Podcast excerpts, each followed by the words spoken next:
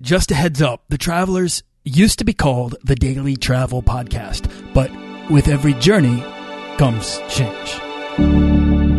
This podcast is produced by Holocene, a community of creative travelers. If you want to get serious about planning that next trip, writing that book, starting that creative project, or launching that business, we're breaking down the barriers between where you are and where you want to be together at joinholocene.com. That's join, H O L O C E N E.com.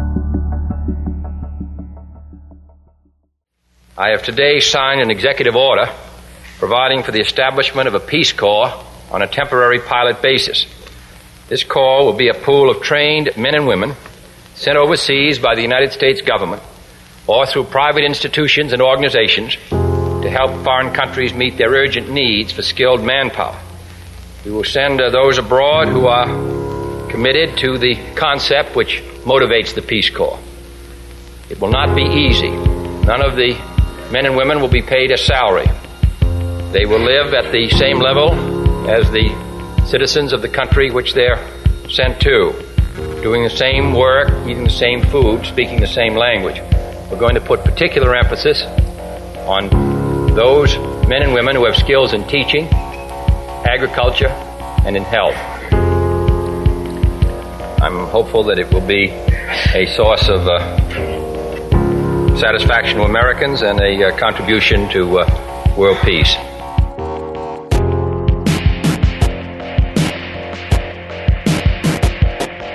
I mean, I really think that it's important not only to go abroad, but to go off the beaten path, to be uncomfortable. I mean, that's what Peace Corps is all about. I, I think that until you really walk in someone else's shoes, live life like they do for a little while, you really don't get that frankly. This is Carrie Hessler Radelet, the director of the Peace Corps, and this is the final installment of a five part podcast miniseries on the White House Travel Blogger Summit on study abroad and global citizenship, designed to take you with me to this unique and unprecedented event. Of, a, of a extensive, deep dive, long term relationship like Peace Corps is that you develop transformative relationships that go both ways. And the story I want to say is tell you is just a very quick story about a volunteer named Vic and his wife Adrian. They were right out of college. They married young. They were from the Midwest where you do that. They went to Malawi. And they had a typical American marriage. Vic was a math teacher. She was a help volunteer. You know, he helped her with laundry and shopping in the market, and they used to have fun riding their bikes all around the village. And they loved their experience and thought they gained so much from it, but they really wondered what the impact was on, on their Malawian community. So as they were preparing to leave after two years of service, they got a knock on the door, and it was one of Vic's students. He was a, a, young man who hardly ever spoke in class, and he was actually very surprised to see him there. So he opened the door and he said, Oh, hello, so great to see you. And he said, Mr. Vic, I want to tell you one thing. He said, You've taught us math and you've taught us science, and it has been phenomenal. But what I want to tell you is that I've seen the way that you treat your wife. And when I grow up, I want to treat my wife like you treat yours. Do not have that impact unless you spend time being present with other people. So stretch yourself. Don't just hit the monuments. Try to have a deep dive, and if you can possibly have a longer term experience that brings you face to face with people in very different contexts from yourself. It doesn't matter where it is, it will change your life and it will change someone else's too. So here I am urging you to get uncomfortable, to find the things in this world that give you meaning, that make you feel more connected and alive. If you're listening and can't afford a study abroad program, consider the Peace Corps. If you want to have an international living experience and you don't have a lot of money, Peace Corps is a great way to start. You can enter Peace Corps absolutely broke, and we will take care of everything for the next two years. And you get a readjustment allowance, which is about $250 for every month you serve, which ends up being over $8,000 at the end that you can use for grad school or for a car, or you can blow it on worldwide travel, which is what I did. Thank you so much. I come at the end of a long list of extremely accomplished speakers who have, I think, made a very compelling case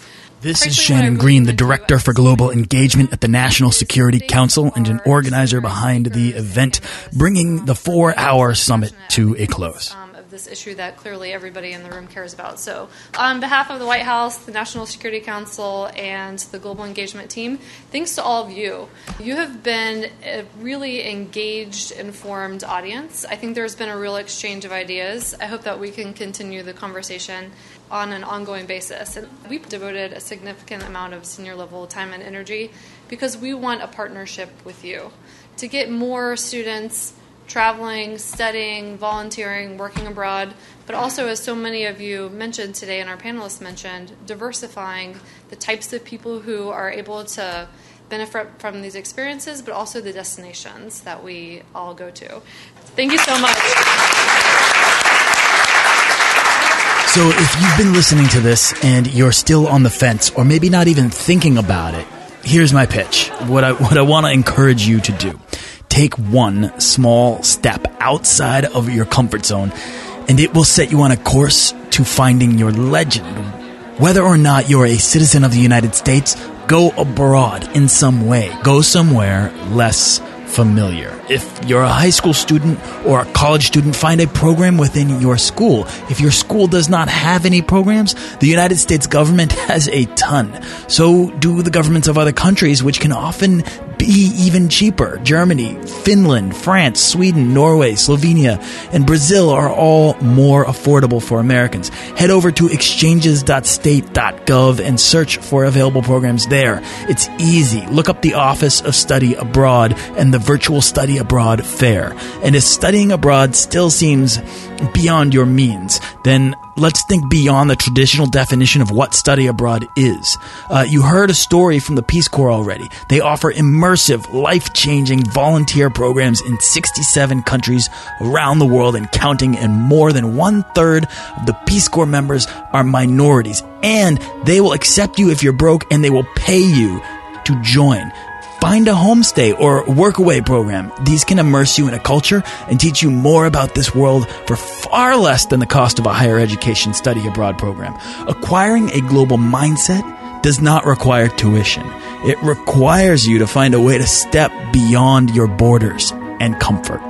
With an increased importance on bringing a global mindset to the job market and only 1.5% of all U.S. students going abroad, this is an enormous opportunity for anyone with or without the means to shine in today's competitive world.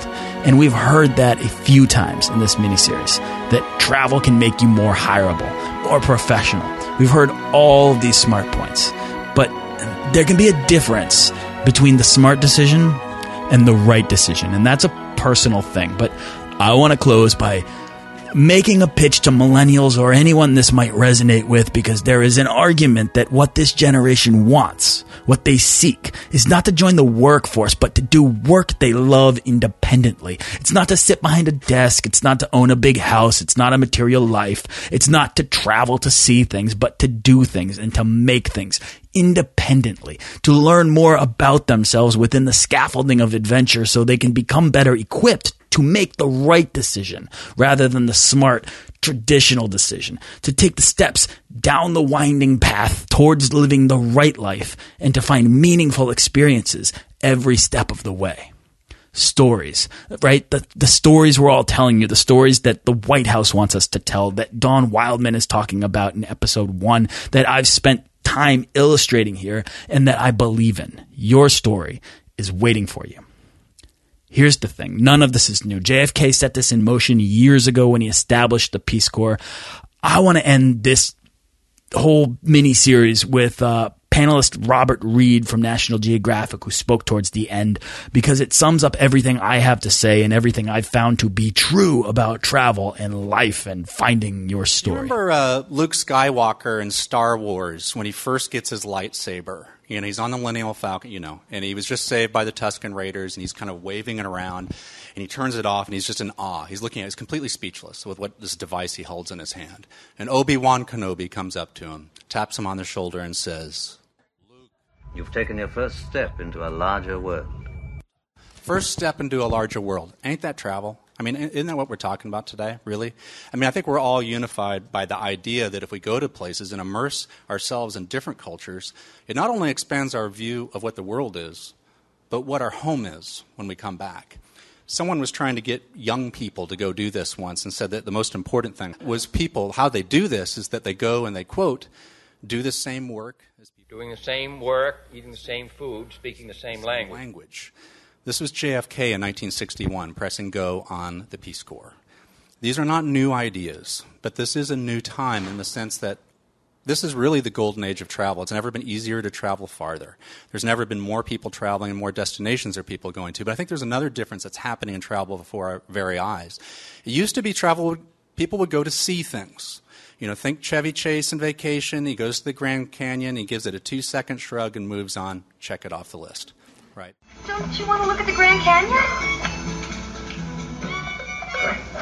And now we see people traveling to do things more, I think. Traveling away from normal travel activities like double decker buses, even museums, etc. Work, living in local neighborhoods, eating local foods, maybe taking a cook, cooking class or something because they believe that immersing themselves will give them a better understanding of that place. I think I know the future because I think we already see it. That's travel not to see or do, but travel to make things. Travel to make things. The trip itself is a means of acquiring experiences or quotes or photos or data to create something. And I don't think that you have to be on a program. I don't think you have to be studying or working necessarily to do that. I think individuals can do that. You know, I work for National Geographic, and they have study uh, student expeditions that sends high school students around the world on these conservation projects. And there's a uh, um, um, a young uh, woman by the name of Katie Jacobs in a small town of Georgia who went last year to Namibia, and she came back and she said, "quote I wrote it down because I thought it was cute." She had so transformed by her experience. I want to take everything I had learned in Namibia and apply it somehow. Katie wanted to make something. The difference is she did. She's making a kid's book on poaching and for rhinos and working on wildlife preservation to pass it on to kids in the United States. It's a perfect example of making travel. Earlier, Patrick Dowd was here talking about the millennial trains, and last year I got to the, the pleasure of being the Gen X passenger on the millennial train across this country. a nonprofit called the Millennial Trains Project, which is a series of crowd-funded train journeys for young innovators across the country. So we've experimented and been successful. And I was the travel mentor on this train a couple times uh, this year as well. And the, the question that I kept hearing from people, I thought I would pass on because I thought it was fascinating. People weren't asking me, you know, what are the best beaches. They didn't want to know the best airport bars in Europe. They didn't want to know what DC hotels have the best thread count. They were interested in how to do it. They were interested how do we get deeper into a place if we have a short amount of time even a couple days how do we understand how that place works and live how do we have authentic experiences authentic's a tricky word i love that how not where. Now, we talk about study abroad. I'm not sure I know all the limits of what study abroad is because I feel that I study abroad every time I leave the country. And it defies age and in any place that you go. I'm there to learn something that I can bring back. And when we think about this, we think about travel that we believe that travel understands the world better than anyone else. And we believe that any kind of experience that we have anywhere is destination agnostic, that you can have some kind of experience with people that's meaningful and worth remembering anywhere you go. Now, who to do that? You know, I would like to think that there's the, the weirdest sight I've ever seen is hundred travel bloggers in the world in, in the White House. Seriously, do you, I mean you realize? You realize every liquor cabinet in the White House has been raided already. Don't be just bloggers if we want to have careers and we want to do the right thing, whatever the message may be, we need to be leaders, mentors, experts in travel. I guess that's our lightsaber, you know. And this mic is Obi Wan Kenobi or something like that. Thank you.